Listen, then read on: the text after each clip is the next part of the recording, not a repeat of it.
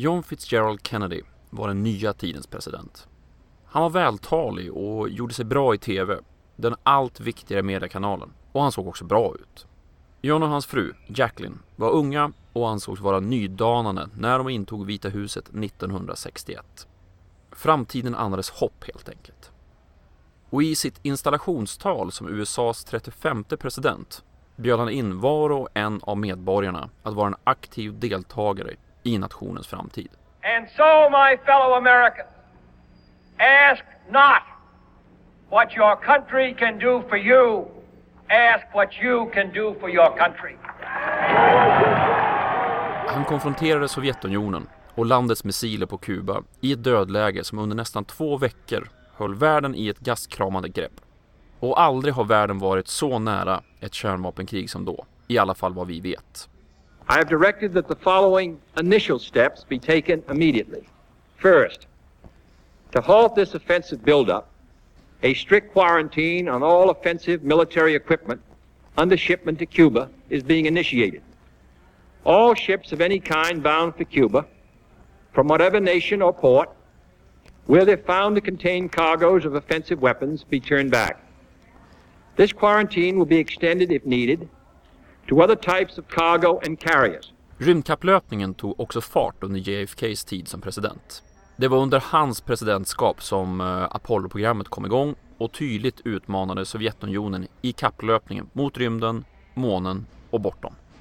But why, some say, the moon?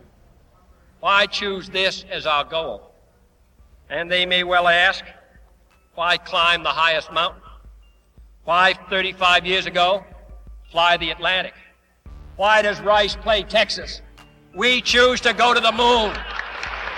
We choose to go to the moon in this decade and do the other things, not because they are easy, but because they are hard. Kanske var det på grund av allt detta som mordet på Kennedy blev ett sånt hårt slag mot USA. Det var ett mord som kom att kallas för den stund då landet förlorade sin oskyldighet. Även om den synen har fått revideras i efterhand. Men trots att mordet på Kennedy är väl utrett så är det samtidigt kanske en av de mest ihärdiga konspirationsteorierna som finns i vårt kollektiva medvetande. Fortfarande så tror bara cirka 30% av USAs befolkning att den utpekade mördaren, Lee Harvey Oswald, agerade ensam. En överväldigande majoritet tror att USAs regering döljer fakta i fallet eller till och med låg bakom en konspiration. Jag heter C.J. Åkerberg och ni ska vara varmt välkomna till det här faktaspäckade avsnittet av Kvalificerat Hemligt. Den här gången den andra delen om mordet den 22 november på John F Kennedy och mordet söndagen den 24 november på Lee Harvey Oswald samt alla dessa konspirationsteorier. Det är sommaren 1963 och det är nu som president Kennedy tillsammans med sin stab bestämmer sig för att besöka delstaten Texas. Syftet med besöket är att dels säkra kampanjmedel för det demokratiska partiet, dels att starta Kennedys omvalskampanj och dels för att Texas var en av de delstater där Kennedy och vicepresident Johnson hade haft svårast att vinna valet 1960. Besöket utannonserades i september och presidentkortegens väg genom Dallas bestämdes slutligen 18 november. Utan att gå konspirationerna i förväg innebär det här att kortegevägen spikades dryga månaden efter att Oswald fick sitt jobb på boklaget. I första avsnittet om mordet på JFK berättar jag om personerna som kom att bli aktörer i det här morddramat. Nu är det dags att placera in dessa personer på tidslinjen. Och vi börjar fredagen den 22 november vid klockan 07.15 i Dallas, Texas när Lee Harvey Oswald ska få skjuts till jobbet av en granne. I bilen lägger han ett avlångt pappersinslaget föremål och på frågan vad paketet innehåller svarar Oswald att det är gardinstänger. Vi spolar framåt till klockan 11.38 och tar oss till flygplatsen Lovefield, dryga 10 kilometer nordväst om Dallas. Presidentens flygplan Air Force One landar med president, hustru och stab. Tillbaka till Dallas och det numera berömda skolbokslaget där Lee Harvey Oswald jobbat dryga månaden. Han ses gå omkring på sjätte våningen i boklagret och medan kollegorna beger sig ner till lunchrummet stannar Oswald kvar på sjätte våningen. Klockan är nu 11.46 lokal tid. Presidenten med följe frångår schemat för att hälsa på den folksamling som samlas vid flygfältet för att välkomna presidenten. Kortegen lämnar så flygfältet 11.52. Klockan är nu 12.18 och utanför skolbokslagret tycker sig en av dem som vill se presidenten passera, Howard Brennan, se en man i ett fönster på boklagrets sjätte våning. 12.21. Presidentens bilkortege svänger in på Main Street i centrala Dallas. Över 150 000 personer har samlats för att bevittna presidentens besök i Dallas. Och under morgonen har ett regnväder dragit in över staden, men nu har det torkat upp och stämningen är på topp. Strax innan 12.30 saktar kortegen ner vid Dealey Plaza för att först klara av en 90-graders sväng, följt av en ännu skarpare sväng ut på Elm Street. Den här vägen placerar kortegen rakt framför boklagret. Klockan 12.30 ett skott ljuder ut, följt av två till skott i snabb följd. Kennedy och passageraren framför honom i bilen, senator Connolly, träffas av skott. Jackie Kennedy försöker ta sig ur bilen men sätter sig ner när en Secret Service-agent klättrar upp bak till. Kortegen kör nu i ilfart mot Parkland Hospital dryga 5 kilometer bort. Strax efter detta stoppas Oswald på plan 2 i boklaget av en polis som befann sig i närheten. Men eh, då Oswald bekräftas vara en anställd hos laget så får han gå vidare och polismannen jagar uppåt i huset efter mördaren. Utanför boklaget tar Oswald en buss och tar sig till sin övernattningslägenhet. Där drar han på sin jacka trots varmt väder och beger sig ut igen. Klockan är nu 13.03. Redan när presidenten anlände till sjukhuset kunde man konstatera att han var dödligt sårad klockan 13.00 lokal tid har presidenten John F Kennedy dödförklarats på Parkland Hospital. From Dallas, Texas, the flash, apparently official, President Kennedy died at 1 p.m. Central Standard Time, 2 o'clock Eastern Standard Time, some 38 minutes ago. Tack vare otydligheter i den federala lagstiftningen uppstår ett rejält bråk mellan Secret Service och lokal vårdpersonal samt polis huruvida presidenten ska obduceras på plats eller i Washington. Till slut tar sig Kennedys följe ut handgripligen med kistan för att ta sig till flygplatsen. 13.14 Oswald stoppas av polisman J.D. Tippett i hörnet av East 10th Street och North Patton Avenue. Tippett är en polisman som fått signalement på den misstänkta mördaren. Resultatet av mötet blir att Oswald skjuter tippet med tre skott, sen slutligen ett skott i polismannens tinning när han segnat ner, varpå Oswald flyr från platsen. När skottlossningen sker så blir Oswald sedd och strax därefter går en efterlysning ut efter en polismördare. Under sin flykt gör sig Oswald av med sin jacka. Parallellt med mordet på Tippet gör polisen ett antal fynd på sjätte våningen i boklagret. Tre tomhylsor samt det gömda geväret hittas tillsammans med en papperspåse som Oswald hade slagit in allt på morgonen. Klockan är nu cirka 13.40 och Oswald tar sig in på en biograf. Texas Theatre på West Jefferson, dryga en kilometer från där tippet sköts. Han blir sedd av biografpersonalen som i sin tur ringer polisen och 13.45 går ett anrop ut att man har sett någon som matchar profilen på den misstänkta mördaren. 13.50 grips Oswald på plats inne i biografen. Under gripandet försöker han skjuta mot polisen men misslyckas. Istället grips han och körs iväg till arresten. Strax därefter, 14.00, förflyttas Kennedys kropp till Air Force One.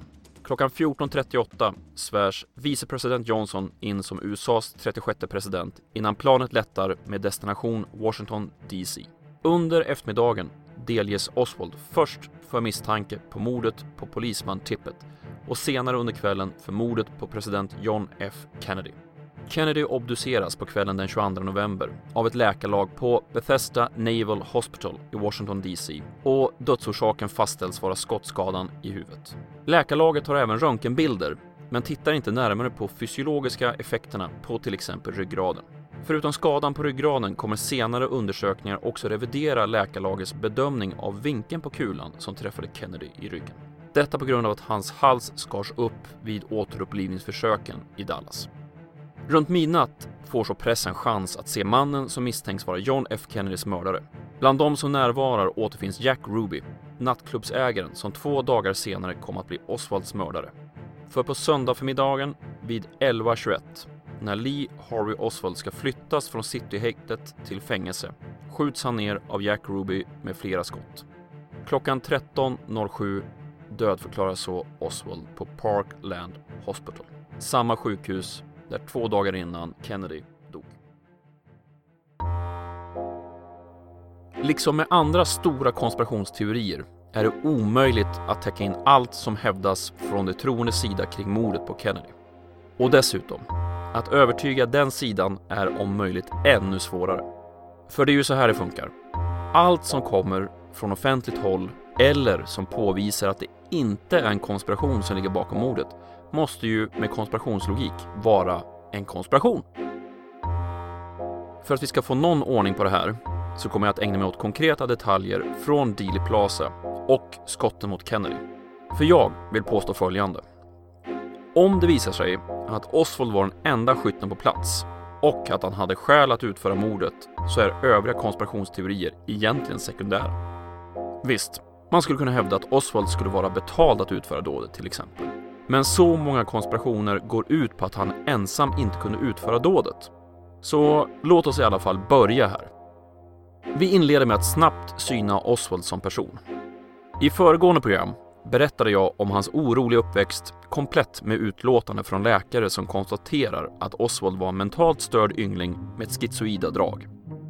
Dessutom tog jag upp i första delen om JFK-mordet, mordförsöket på General Edwin Walker och att Oswald med största sannolikhet låg bakom det. Vilket visar på viljan att ta till våld mot det som upplevs som hot. Vissa konspirationstroende har hävdat att Oswald inte kunde skjutit så pass bra att han kunde träffa Kennedy i en rullande bil. Men eh, under sin militärtjänstgöring i marinkåren sköt Oswald tillräckligt bra för att nå graden av skarpskytt.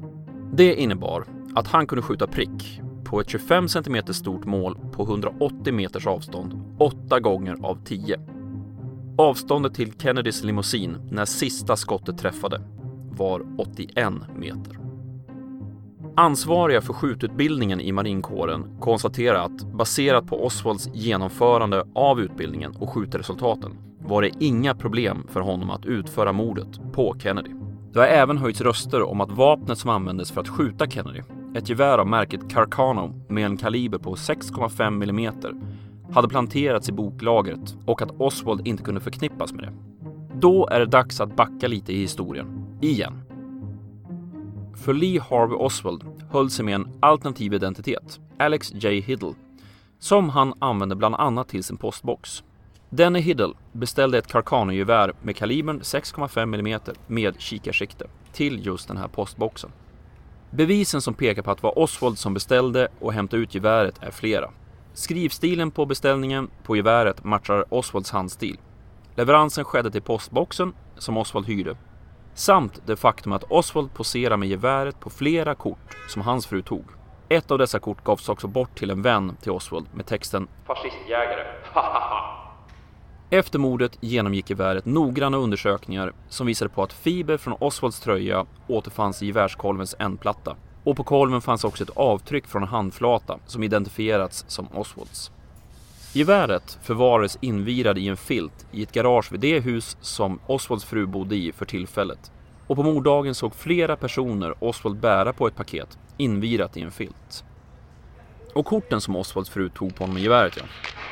De korten är en av hörnstenarna inom konspirationstron eftersom det direkt knyter Oswald till geväret innan mordet. Så skulle bilderna visa sig vara falska kan man inte bevisa att kopplingen finns där. De här korten togs i mars 1963, dryga halvåret innan mordet på Kennedy och en månad innan mordförsöket på General Walker. Fotoserien visar Oswald ståendes i sin trädgård med geväret, en revolver samt två stycken marxistiska nyhetsblad, The Worker samt The Militant. De här fotona, de togs av Oswalds fru Marina med parets egna kamera, en Imperial Reflex Duolens 620. Flertalet undersökningar och djupdykningar har gjorts med korten man har tittat på märkena som kameran lämnat efter sig på negativen. Man har tittat på kornsammansättningen, skärpedjupet, exponeringen och så vidare. Även simuleringar så sent som i år, 2015, har gjorts. Technology has trumped yet another conspiracy theory. This picture of Lee Harvey Oswald shows him in a backyard in Dallas holding a Marxist newspaper and the same model rifle used to assassinate President John F. Kennedy. Scientists use sophisticated 3D imaging technology to analyze key details of the photo to determine its authentication. Och resultaten är de samma varje gång. Det är Oswald på bilderna. Ingenting har förändrats i bilderna utan det är i originalformat. och visar Lee Harvey Oswald hållandes det vapen som dödade Kennedy. I exempelvis Oliver Stones film om mordet på John F Kennedy med titeln JFK och med en kraftig konspirationsvinkel bör tilläggas gör man en stor sak av att mekanismen för omladdning av mordvapnet skulle vara tidsödande. Det vill säga att den tiden det skulle tagit för Oswald att skjuta med precision var inte tre skott möjliga att avfyra. Flertalet försök har visat att det inte är några större problem att utföra omladdning på den ursprungliga beräknade tiden. Men när så den berömda Zapruder-filmen, som var den amatörfilm som tydligast visade mordet, analyserades, reviderar man tiden mellan det första och sista skottet. Tidigare trodde man att skyttarna hade haft cirka 5 sekunder på sig totalt. Men det nya estimatet var en bit över 8 sekunder alltså gott om tid att med precision skjuta tre skott mot ett relativt sett nästan stillastående mål då kortegen körde bort från boklagret. Tittar man på Sapruder-filmen syns allt för tydligt vad som hände med Kennedy i skottögonblicket. Först åker båda hans armar upp i axelhöjd. Han sjunker ner mot Jackie Kennedy. Hon håller om honom och plötsligt exploderar Kennedys högra sida av huvudet. Huvudet rör sig bakåt och kroppen faller tillbaka i sätet. Skälet att Kennedys armar höjs är på grund av det skott som träffar ryggen. Armarnas beteende, det kallas Thorburns position och är en nervskada där armbågarna lyfts upp och utåt samtidigt som händerna sluter sig. Det här, ja, det är också någonting som matchar skadan vid sjätte kotan som Kennedy får av skottet som tar i ryggen. Huvudrörelsen, bakåt och åt vänster, har ofta lyfts fram som ett tecken på att en till skytt framför eller vid sidan av kortegen skulle ha skjutit mot Kennedy. Det anses så pass viktigt att det tas upp i Oliver Stones film JFK i en förvisso väldigt spännande scen. För att så kan inte en kroppsdel röra sig. Vi har ju alla sett Hollywoodfilmer. This is the key shot. The president going back and to his left. Shot from the front and right. Totally inconsistent with a shot from the depository. Again. Back to the left. Back and to the left. Back and to the left. Back and to the left. Och där, där har vi problemet för konspirationstroende. För verkligheten beter sig inte som på film. För vad som hände var följande. Kulan som träffar Kennedys huvud färdades i en hastighet av dryga 550 meter per sekund. När den passerat innanför skallbenet i nacken sliter den med sig mjuk vävnad och sprayar ut den när kulan fortsätter ut ur skallen. Man skulle lite omilt kunna likna det vid en jetstråle som skjuts ut från huvudet. Det resulterar i en motrörelse åt motsatt håll, det vill säga bakåt. Dessutom visade obduktionen på att Kennedy sköts i huvudet med ett skott bakifrån. Inga fler kulor eller skador från andra vinklar hittades. Hade Kennedy skjutits av en annan skytt hade således såren sett annorlunda ut och dessutom hade Jackie Kennedy troligen skadats av en sådan kula som avlossades från det påstådda hållet med tanke på hennes position i bilen bredvid presidenten. Och om ni vill se Saprudi-filmen och exempel på hur det här med rörelsen i motsatt riktning kan se ut kan ni gå in på Kvalificerat Hemlighets hemsida khpodden.se. Men hörni, vi lägger ner pennan för en stund och återgår till det som skedde efter mordet på Kennedy och Oswald. Direkt efter mordet stod nationen och vacklade. Hade man utsatts för kuppförsök? Var det Kuba som låg bakom mordet, som hämnd för USAs invasionsförsök? Eller var det till och med så att Sovjet låg bakom detta, som likt skotten i Sarajevo var förstadiet till ett nytt världskrig? Frågorna hopade sig samtidigt som olika delar av staten hade olika syn på vem som ägde ansvaret för att utreda det som hade skett. Direkt efter gripandet av Oswald utredde Dallaspolisen morden på Kennedy och polisman Tippett. Få anteckningar togs, inga ljudupptagningar togs heller under förhören med Oswald, något som kritiserades hårt av både FBI och Secret Service. FBI genomförde en undersökning som publicerades i början av december 1963 och som sen överlämnades till den nybildade Warren-kommissionen. För den 25 november skickade justitieminister Niklas Katzenbach ett memo till den nyinsvurna president Johnson att han borde tillsätta en kommission för att utreda mordet på Kennedy. Dessutom föreslog Katzenbach att just FBIs utredning kring mordet skulle offentliggöras för att undvika konspirationsteorier och spekulationer. Ordförande för kommissionen blev chefsdomaren för Högsta domstolen, Earl Warren. Warren var inte helt övertygad att han var rätt person för jobbet, men blev till slut övertygad av president Johnson. Kommissionen intervjuade över 500 vittnen i förvisso stängda utfrågningar, men utfrågningarna var inte hemliga. Vittnena var alltså fria att berätta efteråt vad de hade sagt.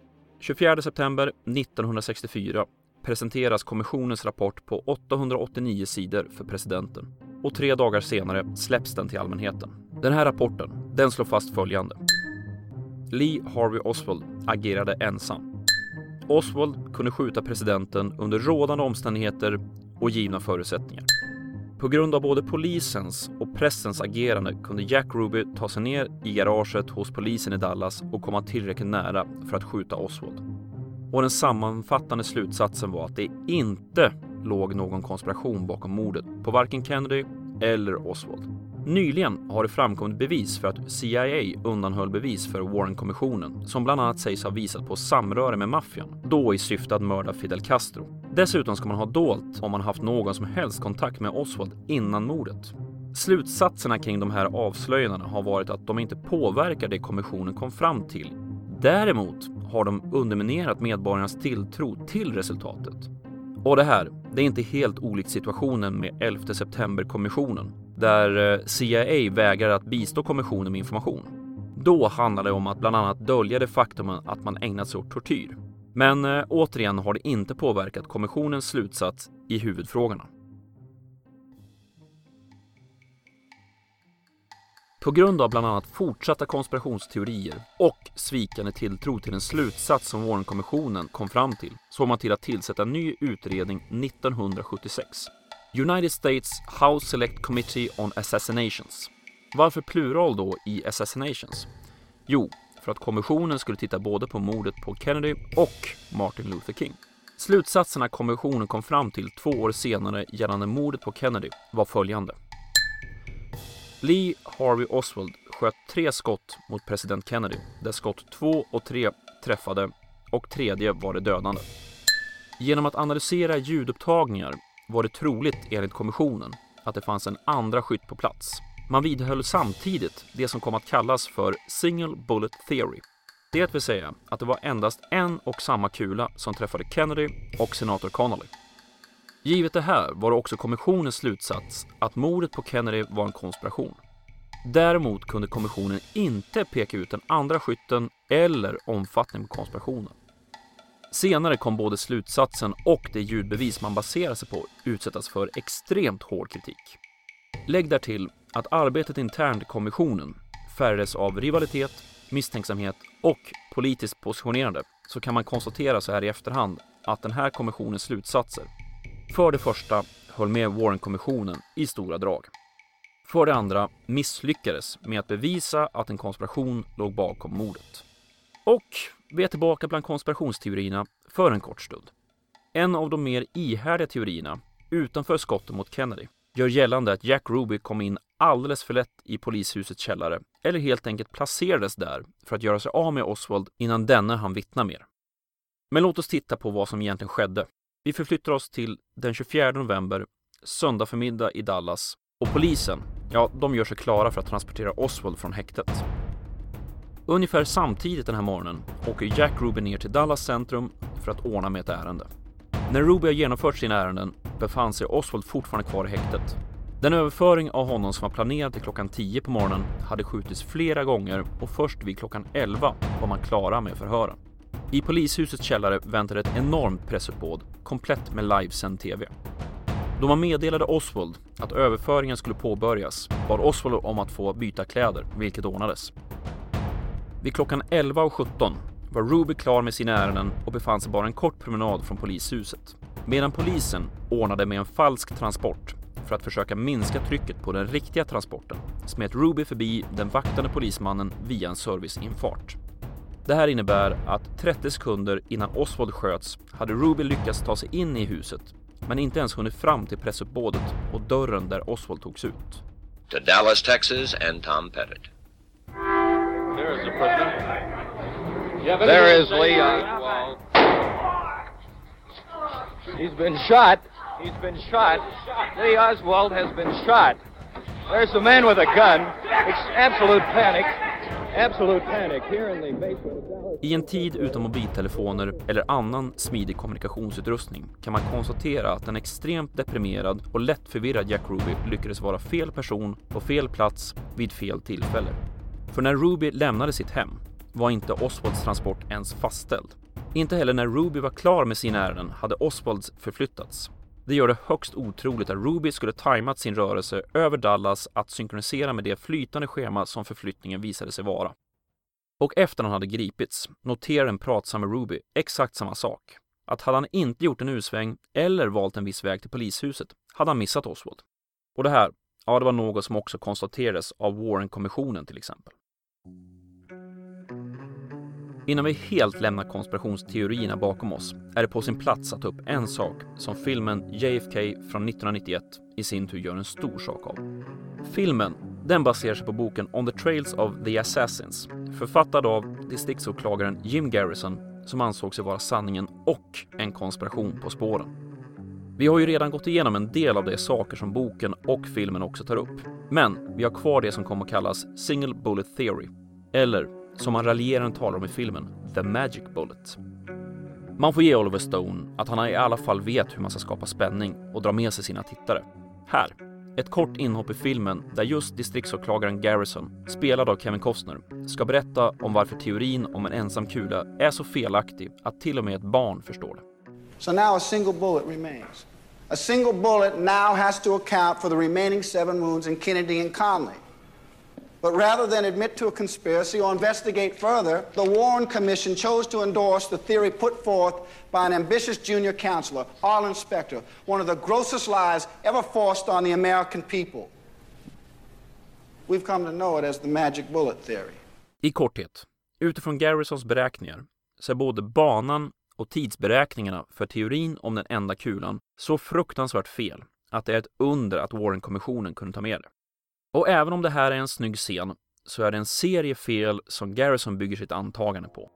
För det första, och kanske det allvarligaste för att det är så uppenbart, är att Garrison förutsätter att Kennedy och senator Connolly sitter på en rak linje, som ungefär i moderna bilar. Men eh, tittar man på bilder från bilkortegen syns det att Connolly sitter en bra bit in mot mitten samt lägre än vad Kennedy gör. Det som skedde var följande. Den första träffen är när kulan träffar Kennedys rygg med en hastighet av dryga 550 meter per sekund.